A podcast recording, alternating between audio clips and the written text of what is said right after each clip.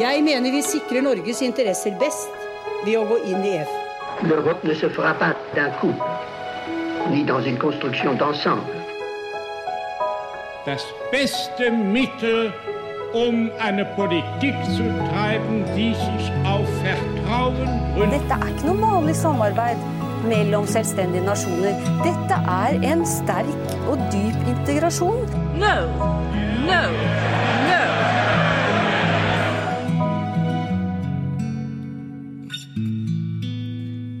Velkommen til Det europeiske kvarter, en podkast om europeisk politikk og historie med Lise Rye og meg, Kristine Graneng ved Europastudier på NTNU.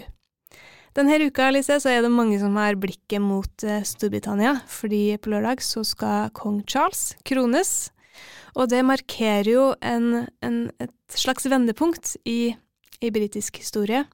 Eh, men, men det er jo et et, et, vendepunkt som ikke bare handler om at uh, en epoke er forbi med, med, dronning Elisabeth, men det har også vært en, en rekke andre eh, endringer, skifter, i, i det britiske samfunnet de siste årene.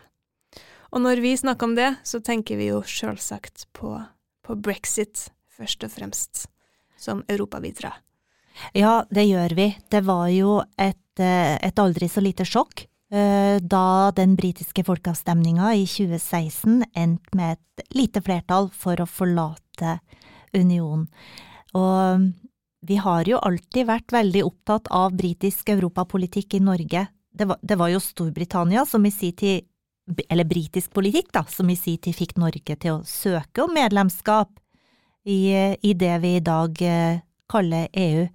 Og Norge fulgte jo lenge i Storbritannia sine fotspor, og når eh, våre veier da skiltes i 1973, når Storbritannia gikk inn i EF og Norge bestemte seg for å stå utenfor, så forble Storbritannia likevel et, et veldig viktig land for Norge på, på mange områder. Mm.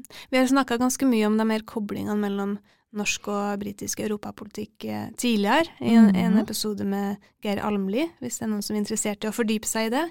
Men eh, nå så skal vi se, se litt lenger fram i tid på hva som faktisk har skjedd de her siste årene. For når, eh, som du nevner, Lise, eh, når det ble snakk om en folkeavstemning eh, om britisk medlemskap, så var det mange i Norge også som, som fikk veldig øynene opp og tenkte at det her var en en mulighet, eller de advarte britene mot å, å, gå i samme retning som, som Norge har valgt. Det ja. var en sak som, som fikk mye oppmerksomhet, eh, både den. positivt og negativt. Og, og, det var jo også en sak som gjorde at uh, den norske tilknytninga av EØS-avtalen fikk stor oppmerksomhet i Storbritannia, hvor det ble mye snakk om en norsk løsning, eller den norske modellen. Mm. Men den, eh, den, oppmerksomheten har på en måte dabba litt av. Ja, absolutt. Eh, og, og, det handler ikke bare om Norge, det handler også om Europa i stort. For, for da det her sjokket kom, da, da britene valgte å gå ut av EU ved folkeavstemninga den 23. juni 2016, så var det mange som tenkte at det kanskje kunne få eh, bli speila på et vis, i, også i andre land. At det var flere andre som ville kreve folkeavstemninger om EU-medlemskap og, og, ønsker å gå ut. Ja, det Men, var veldig mange sånne exit-varianter som, eh, som sirkulerte. og Nexit ja, og I perioden etter. Ja, mm. På et tidspunkt så fikk jeg litt kløe av alle de her exit-forslagene. Men, men, det vi ser i ettertid, det er jo at det, det har egentlig hatt en motsatt effekt. Ikke bare har det, har det dempa kravene om, om eh, fra, fra, aktører som ønsker å gå ut av EU, men det har også eh, endra litt på synet på hvilke eh, muligheter, hvilke alternativer man har som tredjeland. Absolutt. Eh, det er i det hele tatt eh, veldig mye som er interessant med, med, brexit, og som vi skal få høre mer om i dag. Mm. Uh, og hvis, hvis, man ser på den norske debatten i dag, så er det jo først og fremst den som er positivt. Det er jo som, som trekker frem brexit som et eksempel. Jeg har sett um, Europabevegelsen har vist til meningsmålinger fra, fra, Storbritannia i den siste tida, f.eks., for, eksempel, for å vise at britene til en viss grad har angra seg. Men vi skal snakke om denne, denne perioden som har fulgt uh, folkeavstemninga i 2016. Og det skal vi ikke gjøre helt alene. Vi har med oss en gjest i dag også. Øyvind Brattberg, som jo er en av de ledende ekspertene på britisk politikk i Norge. Så det er veldig kjekt å ha deg med, Øyvind. Velkommen til oss. Tusen takk, og takk for at jeg får være med det, i dette fornemme selskap. For dem som ikke kjenner deg så godt fra før av, så er jo du førstelektor ved Universitetet i Oslo og har nettopp britisk politikk som spesialfelt. Og driver også podkasten Pod Britannia, som er en av eh, årsakene til at vi begynte å, starte podkast også. En, en, veldig fin podkast om, om, det som rører seg i britisk politikk. Og i fjor så kom du også med ei bok som handler om nettopp denne eh, historiske vendepunktet i, i, i, Storbritannia, hva som har skjedd i etterkant av brexit, eh, særlig da. Eh, Falma fløyel i London. Fin tittel. Veldig fin tittel. Men vi må tilbake til, til 2016. Vi må, vi må, starte her som, som, et utgangspunkt. For hva skjedde egentlig da, da britene stemte for å gå ut av EU for brexit den 23. juni, den skjebne, dagen. Hvor vil du starte, Øyvind? Det var jo på, på et vis et, eh, et, klimaks etter mange års eh, hva skal man si, gryende storm kan man si, i britisk EU-debatt. For, for EU-skepsisen i Storbritannia har vært der i alle år som en slags understrøm, og spesielt uh, i, i, det konservative partiet. Siden, siden traktatendringene i EU på ja, spesielt på begynnelsen av 90-tallet med Maastricht-traktaten og større overnasjonale ambisjoner osv., så, videre, så så gikk noe i, i vranglås for deler av den britiske høyresiden. Så den understrømmen har, har vært der, eh, den understrømmen av EU-skepsis. Men så har den tiltatt i styrke, og det var jo, eh, hvis man skal peke på noen helt konkrete forhold som bidro til at, at uh, stormen økte, kan man si, så, så ville jeg sagt det første er innvandringssituasjonen, eller uh, innvandring, da ikke i form av, av eh, fjerntliggende sivilisasjoner, men rett og slett den frie bevegelsen av arbeidskraft i, i, EU, som etter østutvidelsen i 2004 skapte mye brudulje etter hvert blant, eh, blant briter som mente at denne, denne typen migrasjon må reguleres. Man må, ha, man må, ta tilbake kontrollen på et vis over grensene, og ikke, og ikke ha et så stort, um, stor tilstrømning, stort tilsig av arbeidskraft fra Europa. Og at det bidro til å drive lønninger ned og ble knapphet på både boliger og offentlige tjenester osv. Så, videre. så det var, en, det var, en, vesentlig del av, av um, det som, som, skapte større oppslutning om den EU-skeptiske siden, vil jeg si, og også oppslutning om, om, UK Independence Party, som var et sånt ensaksparti som utfordret de, de konservative. Og så var det, Skulle man nevnt én ting til, så, så ville jeg sagt Eh, fornemmelsen av at EU selv er i krise, gjentatte ganger i krise gjennom, gjennom disse årene på vei mot, mot 2016. Finanskrisen og eurosonekrisen. Finanskrisen hadde britene selv også, men, men, denne frykten for at euroen var i ferd med å gå, gå nedenom og hjem, og at rike EU-land måtte kjøpe ut uh, fattigere EU-land, eller snarere søreuropeiske EU-land som hadde satt økonomien over styr, dette vakte mye mishag uh, i, i Storbritannia. Og senere kom flyktningkrisen 2015 også, hvor, man, hvor det var en, en, opplevelse av, og igjen spesielt på britisk høyreside, av at EU ikke er i stand til å holde orden i eget hus, og at dette var, eh, var rett og slett en farlig union å, å, å være, være, del av. Så det var det som på en måte bygget opp til eh, folkeavstemningen. Og så var det jo helt konkret daværende statsminister David Camerons beslutning om å holde en slik folkeavstemning, og på et vis stikke hull på verkebyllen eh, i, i eget parti. og å ta et endelig oppgjør med den, den EU-skeptiske fløyen, og rett og slett få roet en debatt som, som så å si suger livsblodet ut av, av, partiet. Og så gikk det som det gikk. Han gamblet og, og tapte ettertrykkelig. Mm. Og Det er jo en strategi vi også kjenner til fra her hjemme, Lise. Det, det om å prøve å sette ut en, en, en stridssak ja, til folket. Man bruker folkeavstemninga for å løse et uh, partiinternt problem, som man gjorde i dette tilfellet. Mm. Mm, eller internt problem. Mm. Men nettopp det her med innvandring, det er jo um, et av kjernepunktene uh, når vi snakker om brexit, og også det jeg forsker på sjøl, så, så, jeg liker veldig godt å snakke om det. Um, men det var jo sånn som du sier, Øyvind, at, at innvandring etter østutvidelsen i 2004 ble en veldig stor sak, og det handla handlet til dels om, om strukturelle ting, at, at det førte til en, en, rekke endringer i det britiske samfunnet, men det handler vel så mye om at det var et parti som klarte å mobilisere eh, denne saken. eh, UKIP, som du nevner, som allerede var et parti på starten av 90-tallet, men som, som, sleit veldig med å få EU opp på agendaen. Men så klarte de det, da, med, med denne saken. De gjorde det. Kan, kanskje vi skal prøve å si litt om hvorfor? Altså hvorfor ble innvandring fra Europa et så stort tema i Storbritannia? Var Storbritannia i en særposisjon på noen måte som gjorde at uh, det her ble et viktigere tema der enn andre steder? For det, det, vanlige, eller det vi typisk ser, er jo at det, ja, det er mange land hvor det er stor motstand mot, uh, mot innvandring, men vil, den vil i sterkere grad være retta mot innvandring fra utenfor Europa. Det er veldig interessant det der, fordi innvandringskritiske innvandringsskeptiske partier uh, i, i, Europa og i Vest-Europa kanskje spesielt, hvis vi skal holde oss til, til det, de har jo um, i senere år og etter hvert tiår dreid mer og mer retning det å forsvare nasjonal kultur. Altså at det er kulturargumenter, at man ikke vil ha eh, stor andel av fremmede kulturer som undergraver vår egen kultur osv. Eh, og det var jo også til stede i den innvandringsskeptiske diskursen om, om, EU. Men det er noe som skurrer her. For det er jo, som vi var inne på, ikke fremmede sivilisasjoner og strengt tatt ikke fremmede kulturer heller i det europeiske. Eh, en annen, fra en annen kant så var det snarere den gamle økonomiske diskusjonen. Altså at, at innvandrere tar jobbene våre, og spesielt at de driver lønninger nedover og, og kommer foran i køen i kamp om, om boliger, offentlige tjenester osv. Så, videre. Så det, der var det en gryende debatt på britisk arbeiderklassenivå, kan man, kan man kanskje si. Og det var en debatt som i stor grad gikk Labour, det britiske arbeiderpartiet, hus forbi.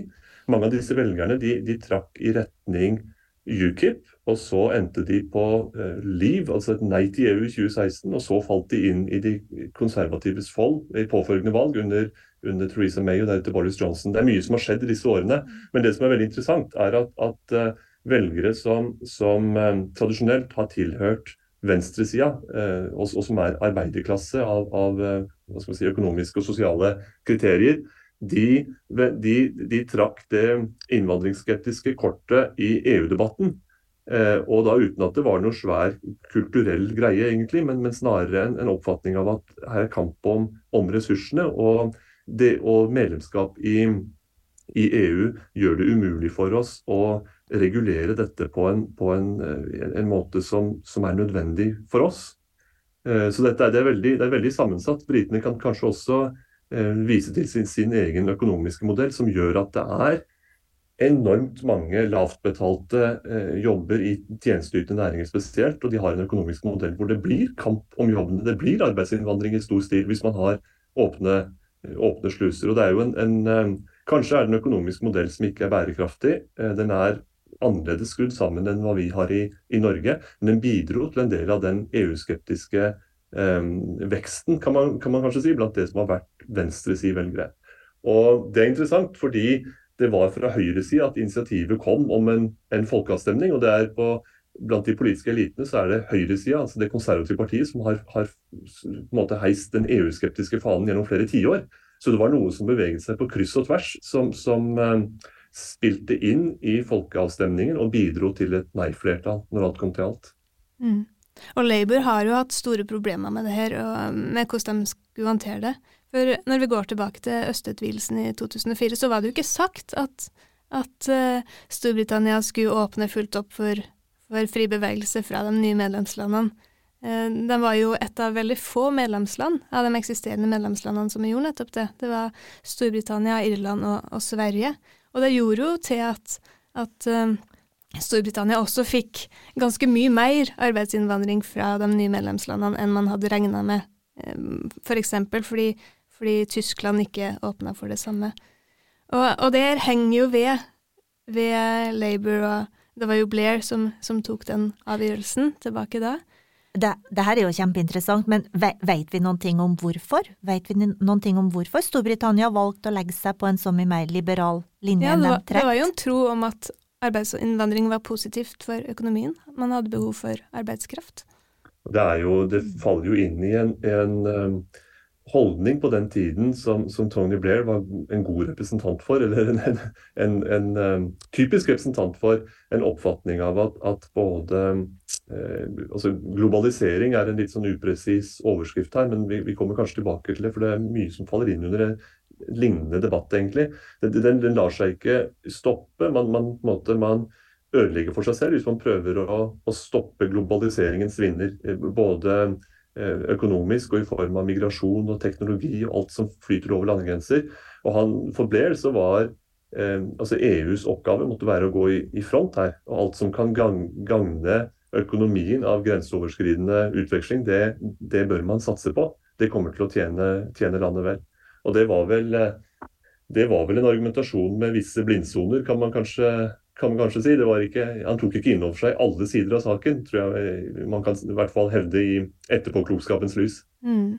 Et annet aspekt ved, ved brexit-avstemninga som er, er, veldig interessant å ta fram, det er jo nettopp det her med, med mangelen på tiltro til den politiske eliten, som også var et av hovedargumentene for eh, dem som valgte å stemme for å gå ut. Kan du si litt om det, Øyvind? Hva, hva er det som ligger i det? Hvorfor, hvor kommer det fra? Det er en vanlig påstand at brexit-avstemningen var ikke, var ikke utelukkende, og kanskje heller ikke først og fremst, en avstemning om EU-medlemskapet. Det var en avstemning som, som trakk inn eh, en syn på den eh, politiske eliten, og det, et, en syn på samfunnsutviklingen over flere tiår, egentlig. Eh, og hvis man tolker resultatet, så så kan man jo eh, se det slik at de som, som stemte for fortsatt EU-medlemskap, eh, dem var det veldig mange av i storbyen. Mange av de unge, mange med høyere utdanning. Mange som er komfortable med kulturell endring, flerkulturelle samfunns fremvekst, eh, ny teknologi, friere forhold. Eh, velg din identitet. Eh, gamle tradisjoner spiller ikke så stor rolle. De som står på, på den siden, de stemte i stor grad, stor grad, ja til EU.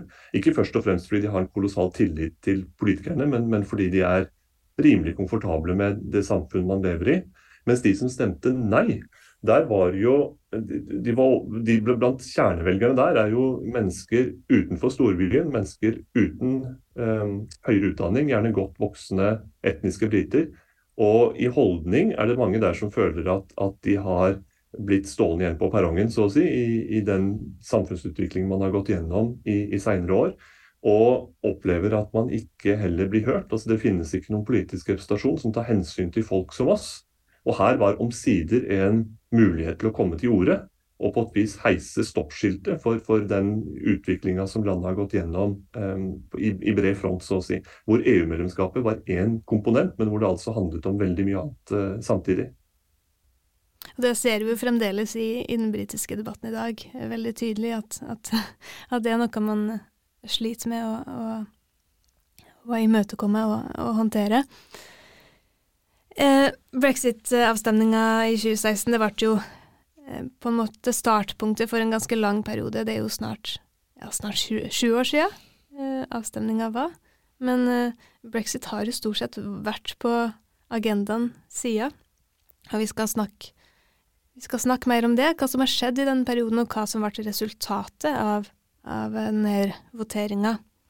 Og jeg husker høsten 2016, Lise, så da var jeg masterstudent her på europastudier, og, og kom til deg og spurte går det egentlig an at de ikke har en plan for hva de skal gjøre etter, etter at de har stemt for å, å gå ut av EU.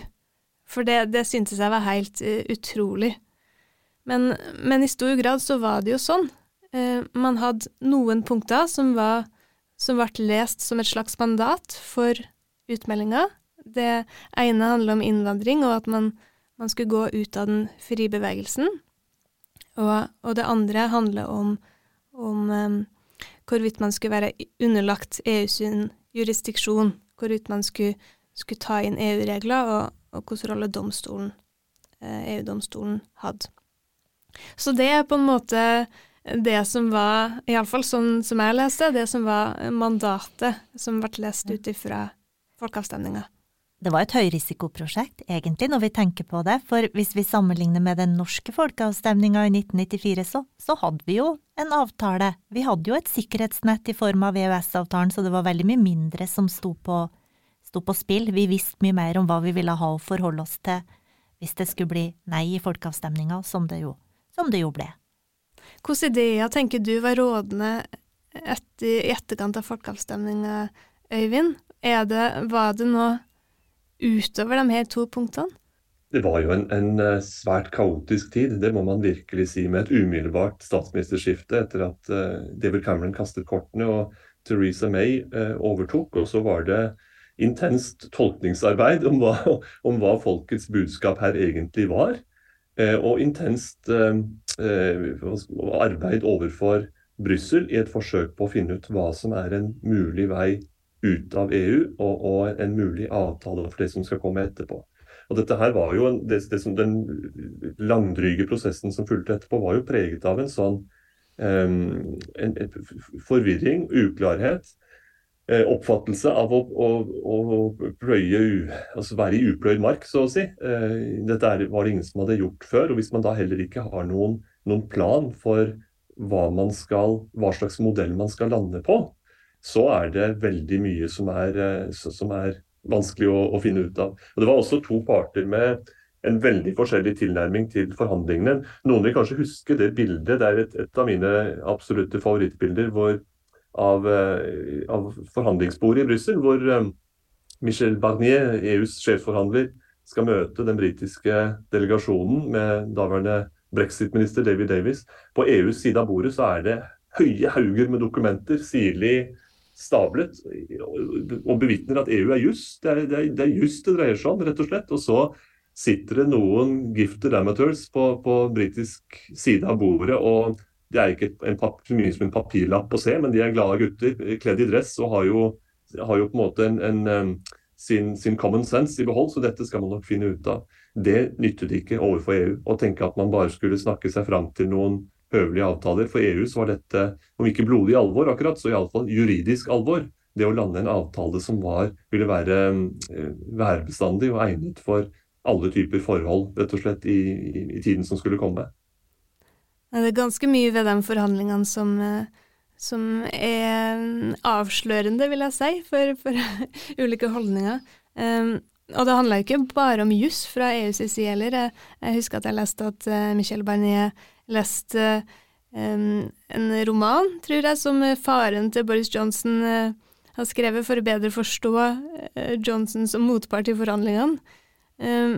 Mens på den britiske sida så, så, var det jo veldig ja, det er ganske mange punkter som har blitt brakt opp som, som kritikk mot måten de, de forholdt seg til forhandlingene på. Det ene handler om hvor godt forberedt de var. Eh, en annen ting handler om eh, hva slags ønsker de kom inn i forhandlingene med. Det foregikk jo en, en, eh, en slags indre forhandling for åpen scene i, i Storbritannia i denne perioden. Men Theresa May kom med flere utkast til hva hun tenkte var en fornuftig løsning for det fremtidige medlemskapet, som ble heftig debattert i Storbritannia, mens mens EU satt og så på og lurte på hva i all verden det her var.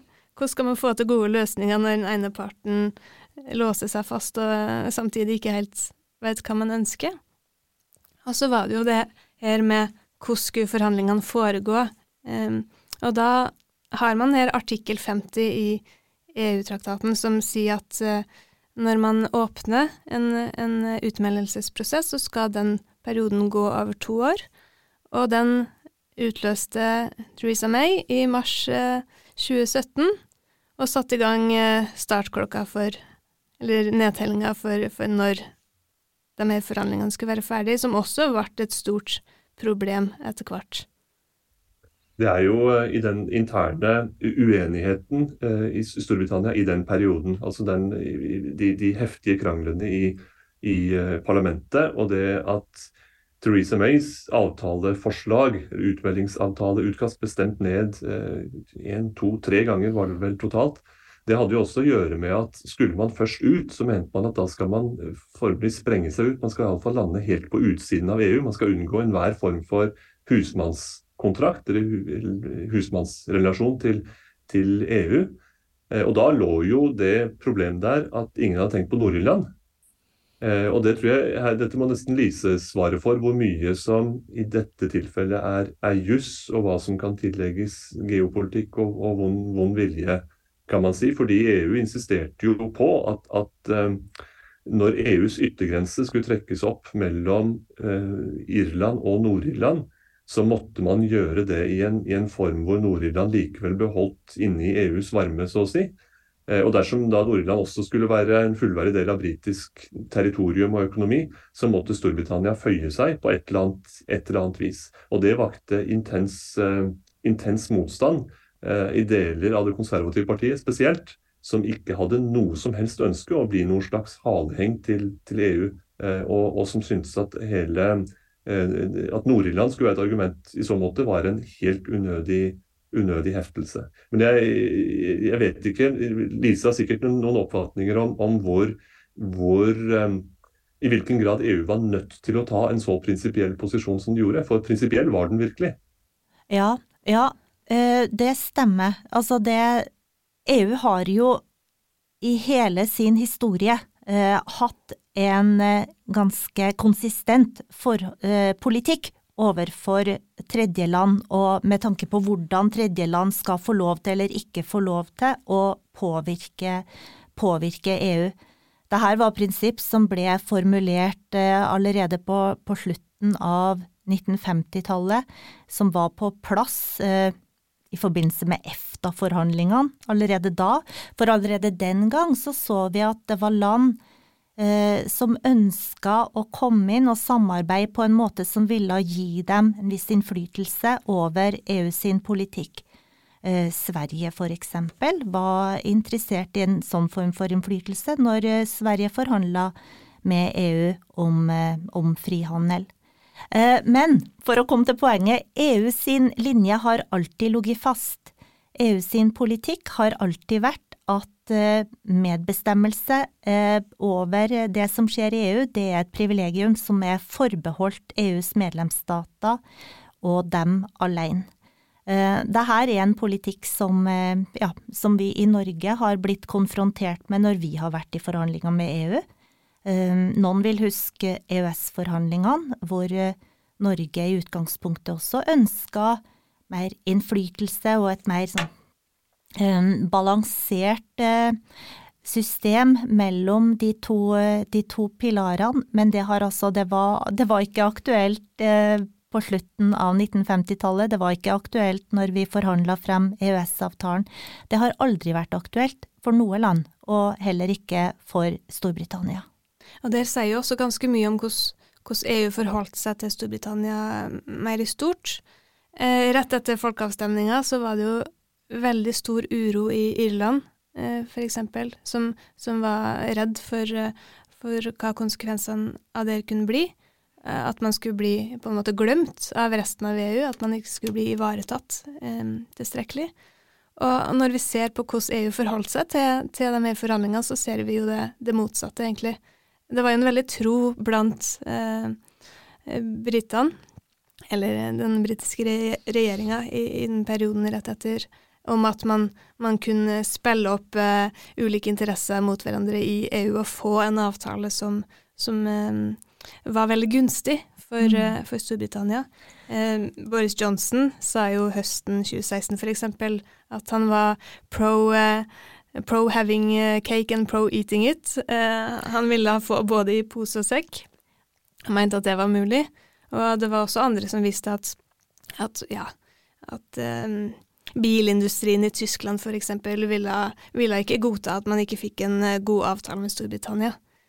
Men når, når britene prøvde å liksom kontakte ulike parter i EU og gå, eh, gå veien om eh, Barnier og, og de offisielle forhandlingene, så, så ble de møtt med en kald skulder. Det var ikke aktuelt. Ja, det er kanskje et uttrykk for at EU er mye mer av et politisk fellesskap enn vi i Norge og mange andre har tenkt på det som. Det er mer enn et handelssamarbeid. Det var jo også mange her i Norge, det var jo en debatt, eh, eller det, det var jo utspill i norsk presse også, fra aktører som sa at nå, nå vil Storbritannia få på plass en avtale som er veldig mye bedre enn enn den vi klarte å forhandle fram, og så kan vi måtte hekte oss på det rammeverket, eller bli en del av det. Men ja, nei, mm. sånn ble det ikke. Og En av utfordringene for Storbritannia det var jo det at de, de ønska jo å, å, fortsatt samhandle med, med, EU, men ville ikke knytte seg til det indre markedet, der annet den frie bevegelsen inngår, der man også må akseptere regelverk som, som kommer fra EU, sånn som vi gjør i, i Norge gjennom EØS-avtalen. Og som, som, du nevner, Øyvind, så var det jo det her som skapt mye hodebry, eh, særlig med tanke på Nord-Irland og, og, en potensiell grense mellom republikken Irland og, og Nord-Irland. Hvordan, hvordan, løste man det her etter hvert? Det er jo et veldig, et, et veldig fascinerende og samtidig ganske opplagt poeng at, eh, at, eh, at, EUs yttergrense må føre med seg en variant av grensekontroll. Eh, og det vil man jo ikke ha på den grensen mellom Nordland og Irland, fordi fredsavtalen av 1998 og fredsprosessen som sådan, den, den har på et vis avpolitisert, altså både redusert politikken og redusert politiet knyttet til den grensen, som skal være helt, helt åpen. Og det er klart at det sto veldig mye på, på spill i det Storbritannia blir et, et utenforland.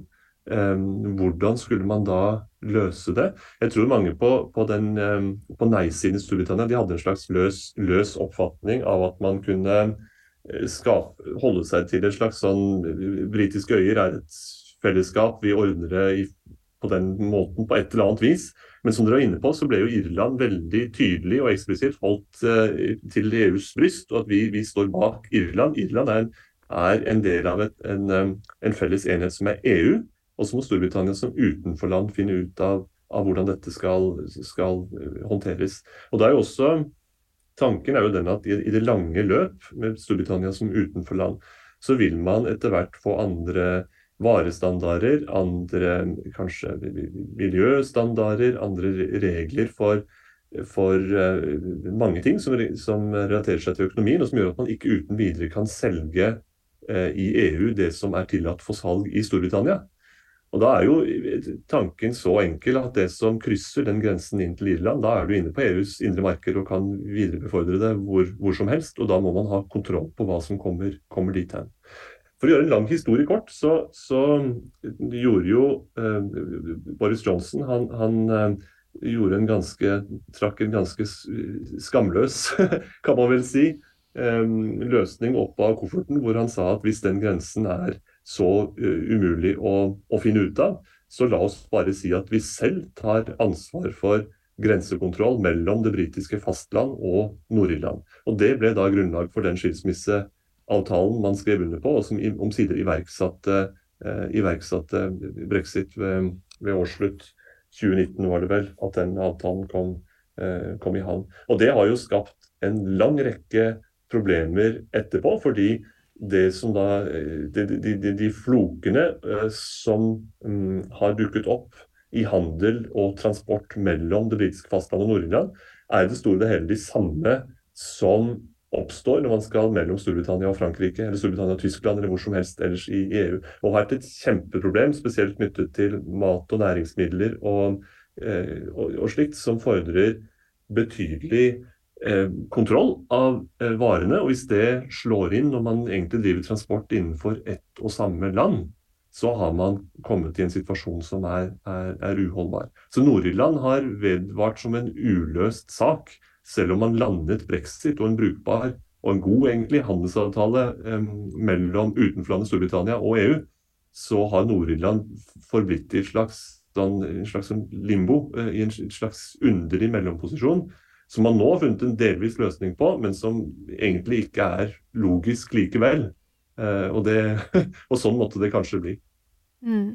Og, og selv om man fikk denne Nord-Irlandsprotokollen, som, som, det blir kalt, så så ble det jo på langt nær avpolitisert, eh, denne debatten. Og man, det kom jo mange forsøk fra britisk side på å, å, å gå rundt den.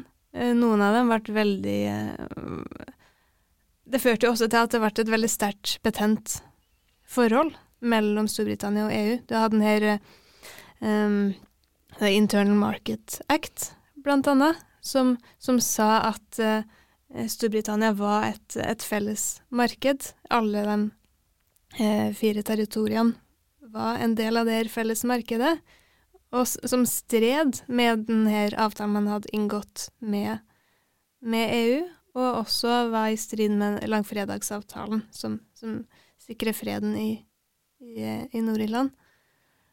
Så det er jo det er veldig fascinerende å se, se hvordan det her forholdet utvikla seg i denne perioden. Og det, jeg syns også det er utrolig å se i dag at man har klart å få til en løsning, selv om den ikke er, er perfekt, som du sier, Øyvind. Så, så, så kom man jo et utrolig langt stykke eh, denne vinteren i forhold til det man har klart tidligere. Og det eh, ser jeg at de fleste forklarer med, med at det handler om uh, hvilke personer som er i posisjon. Er det en forklaring også du vil skrive under på, Øyvind? Det tror jeg er en veldig presis diagnose for, for, de som er i ledende politiske posisjoner. Dersom det finnes et tillitsforhold mellom dem, så er mye mulig. Eh, og mellom eh, eh von der Leyen, som, som, fra, som da er EUs øverste, øverste leder, kommisjons, kommisjonspresident, og britiske statsminister Rishi Sunak, så er det en helt annen relasjon enn det var mellom Donald Tusk og Boris Johnson eh, og, også Theresa May. Da var det mistillitsområdet. Og for å finne en løsning på, på Nord-Irland problemet, hvor man må på en måte kunne kikke hverandre i kortene og ha tillit til at nødvendige kontroller blir, blir gjort osv., så, videre, så krever det et helt annet tillitsforhold. og Det, det har man nå. Og det har åpnet for en, en løsning hvor hvor man skal drive ganske intens varemerking og ha en slags sånn flyplassterminologi hvor, hvor, grønt spor så å si, er varer som skal konsumeres i Nord-Irland, og som ikke behøver særlig til skjemavelde eller, eller kontroll.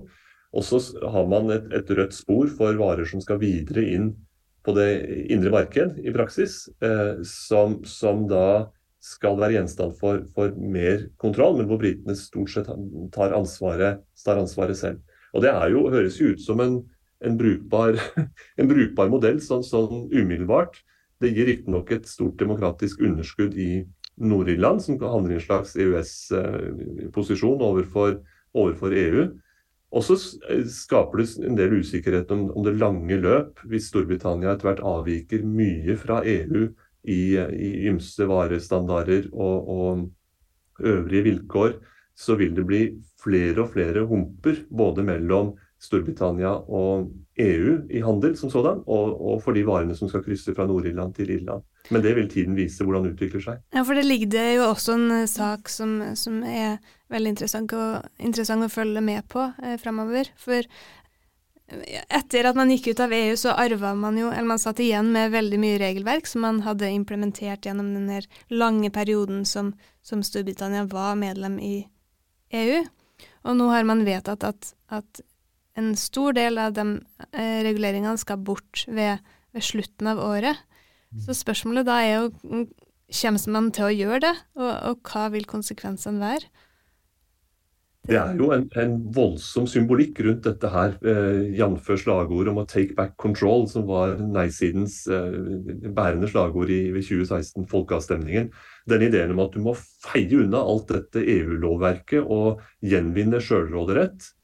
Eh, og så var det i tillegg grens, altså kontroll over innvandring og sånn, som også ligger i, i, take back control der. Men, men den sjølråderetten, det er jo høyst uklart hvordan man skal benytte seg av den. Og Da er det sterke krefter i det konservative partiet og i, i, i, da, i nåværende regjering som har ønsket å bare nullstille, rett og slett. Stryke alt som er Altså all EU-avledet lovgivning som ikke er strengt nødvendig. Altså alt som ligger i britisk uh, lov nå som, som man ikke eksplisitt ønsker seg. Det kan man bare stryke, og så kan man ta det derfra. Og Det, jo, det møter en enorm motstand i, blant britiske byråkrater, som ikke synes at dette er en, en, god idé, fordi det ligger mange ting For det første er, er, det gode grunner til veldig mange av disse direktivene har blitt lovfestet. og det er, det er, bare symbolikk og ikke noe nytteverdi å stryke dem. Og for det andre kan det skje mye uforutsett. altså At det åpner seg gap i lovverket, og det åpner seg eh, av, avvikende praksiser fra EU som vil kunne skape nye knuter på, tråden. Så det gjenstår å se der om, om det, er jo, det, det drives litt skyggeboksing omkring dette. Men målet er jo at man skal ved årets slutt, som du sier, har strøket vesentlige deler av, av det EU-avledde lovverket i, i, Storbritannia. Og Det kommer til å bli en huskestue både som prosess og i, i resultater. Mm, for i et bilde av hvor omfattende det er, så tror jeg det er snakk om sånn ca. 4000 eh, rettsakter. Mye, mye arbeid, kan man si. Vi nevnte innledningsvis at, at det er ganske det får jo oppmerksomhet i dag også i Norge hva, hva britene synes om brexit, og, og, om det var et dumt valg. Og hva, hvordan ser det ut eh, nå, Øyvind? Hva synes britene om, om, brexit? Og hvordan preger det dem? Skulle man samlet det i, i, to kulepunkter, så ville jeg sagt for det første at det har vært en, en, en tydelig, men ikke veldig dramatisk drift i retning til ja til EU. Hvis en ny folkeavstemning hadde blitt holdt uh, i dag, så hadde det blitt et, et ja. Det kan vi si med, med rimelig sikkerhet.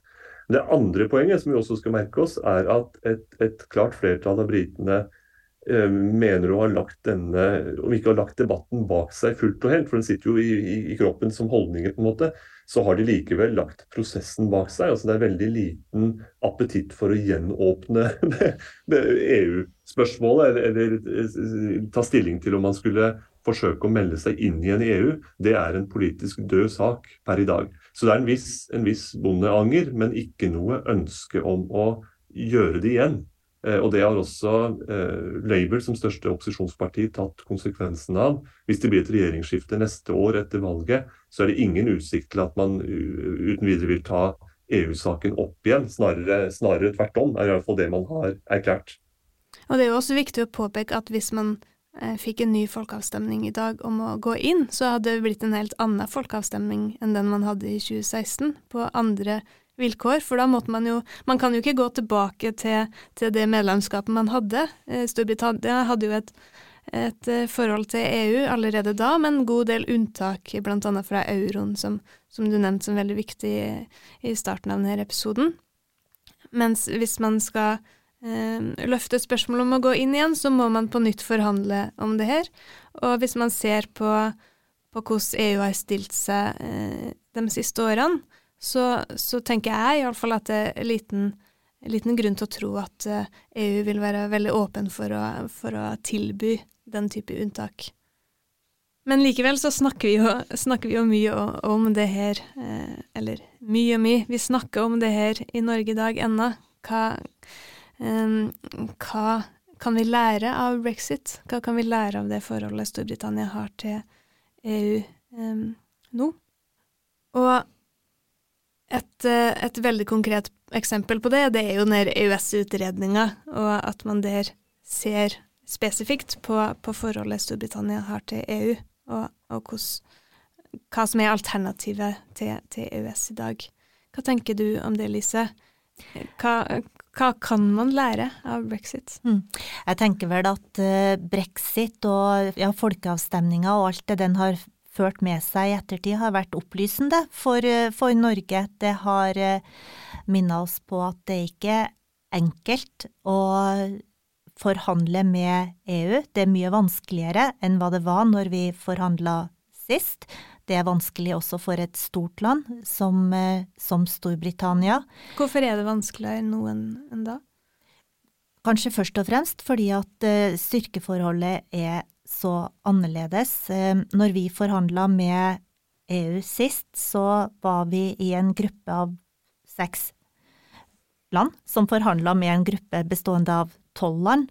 I dag så ville vi ha vært ett land som forhandler med 27 spennet innad i EU er veldig mye større enn det det var den gangen. Eh, da hadde du også land som var fattige, og du hadde land som var rik, men avstanden mellom fattige og rike er mye større i dag, både mellom land og ikke minst innad i land.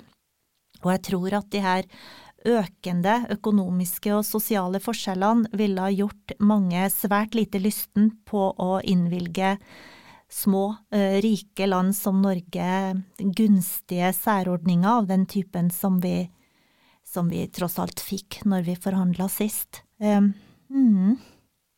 Hva tenker du, Øyvind, hva er den viktigste lærdommen vi kan dra her i Norge fra brexit? Det, jo, det ble jo ganske tidlig i prosessen flagget at dette kom til å bli fryktelig komplisert. og det, det, det, er, jo, ehm, er jo, komplisert. Og jeg tenker at hele, noe av det, mest interessante er jo å diskutere hva innebærer det å ta tilbake kontroll, og hva skal man bruke den uh, sjølråderetten til. Eh, veldig mye av, av hvis, hvis, man holder seg til, til handelsaspektet, så jo så, så dreier det seg ofte om å, å kunne, kunne, følge felles reguleringer, felles standarder, felles eh, rammevilkår. Eh, og For Storbritannias del så har man nå frihet til å avvike fra, fra de, og det er jo en form for sjølråderett, det. Men hva i helge land skal man bruke den til? Og Jo mer man ønsker å, å avvike fra EU, jo, jo vans, større vanskeligheter vil det dukke opp over tid i handelen mellom de to partene. Så man møter jo en, en slags sånn Man møter seg fort seg sjøl i, i, i, døra, både med hensyn til hva man ønsker å bruke eh, suvereniteten til, om det egentlig er, er verdt det. Og hva som, som, eh, både hva som er ambisjonene for det, og hva slags omkostninger det vil ha. Så Det, det er jo liksom den økonomiske siden av det. Og så er det også et eh, I Storbritannia så har man jo snakket mye om, om hva dette betyr rent symbolsk. Altså skal man være skal man søke et alternativ til det, til det europeiske, og hva skal i så fall det egentlig være? Er det, ny, er det på et vis fornyede vennskap med, med gamle allierte rundt omkring på, i verden, i tråd med det Global Britain-slagordet som lenge har vært framme, eller skal man være, være, seg selv nok, så å si? Hva er egentlig ens rolle på den globale arena når man er frikoblet fra, fra EU? Står man da sterkere fordi man har definert seg sjøl hvem man er, eller står man svakere fordi man ikke lenger er sammen med med Europa. Jeg tror på, på kontinentet og blant EUs medlemsland så er det nok en tydelig vurdering at dette er, er, er dums, dumskap, kan man si. Å koble seg selv fri. altså man, man, vinner jo ingenting ved å gjøre det. I Storbritannia så er det nok en sånn selvransakelse som handler mye om egen historie, og, og hvor mange av svarene egentlig ikke, ikke, er gitt. Rett og slett fordi identiteten i Storbritannia er veldig tvetydig. Eh, og den følger av imperiet og av Eh, USA-forholdet og av et sånn halvveis deltakelse i Europa. Så det er veldig vanskelig å, å, å, måte, å lande hva Storbritannia skal, skal, være overfor EU og overfor seg selv. i grunnen. Det var også en inspirasjon da jeg skrev den, den Falmet fløyel-boka. Den måten man har ført brexit-debatt på. Den, den, den, gir seg også utslag i mange diskusjoner om egen historie og, og identitet, hvor britene aldri kommer i mål. Og det er ikke lett, det der. Det er mm. virkelig ikke lett. Eh, og hvis man holdt seg til, til um, sunn fornuft-argumentet, så ville mye vært, uh, er det mye godt å si om å opprettholde et EU-medlemskap istedenfor å sette i gang alt dette spetakkelet. Mm. Men så er det ikke sunn fornuft som råder, det er mange andre krefter i sving. Det var en fin uh, avrunding, uh, Øyvind. Tusen takk for at du ville være med og snakke om det. Jeg håper du ikke er lei av å snakke om brexit helt ennå, selv om det er mange, mange som er det. Det tror jeg vi bare kan fortsette med så lenge det finnes et publikum. Så er det, er det helt fint, det. Tusen takk. Takk skal dere ha.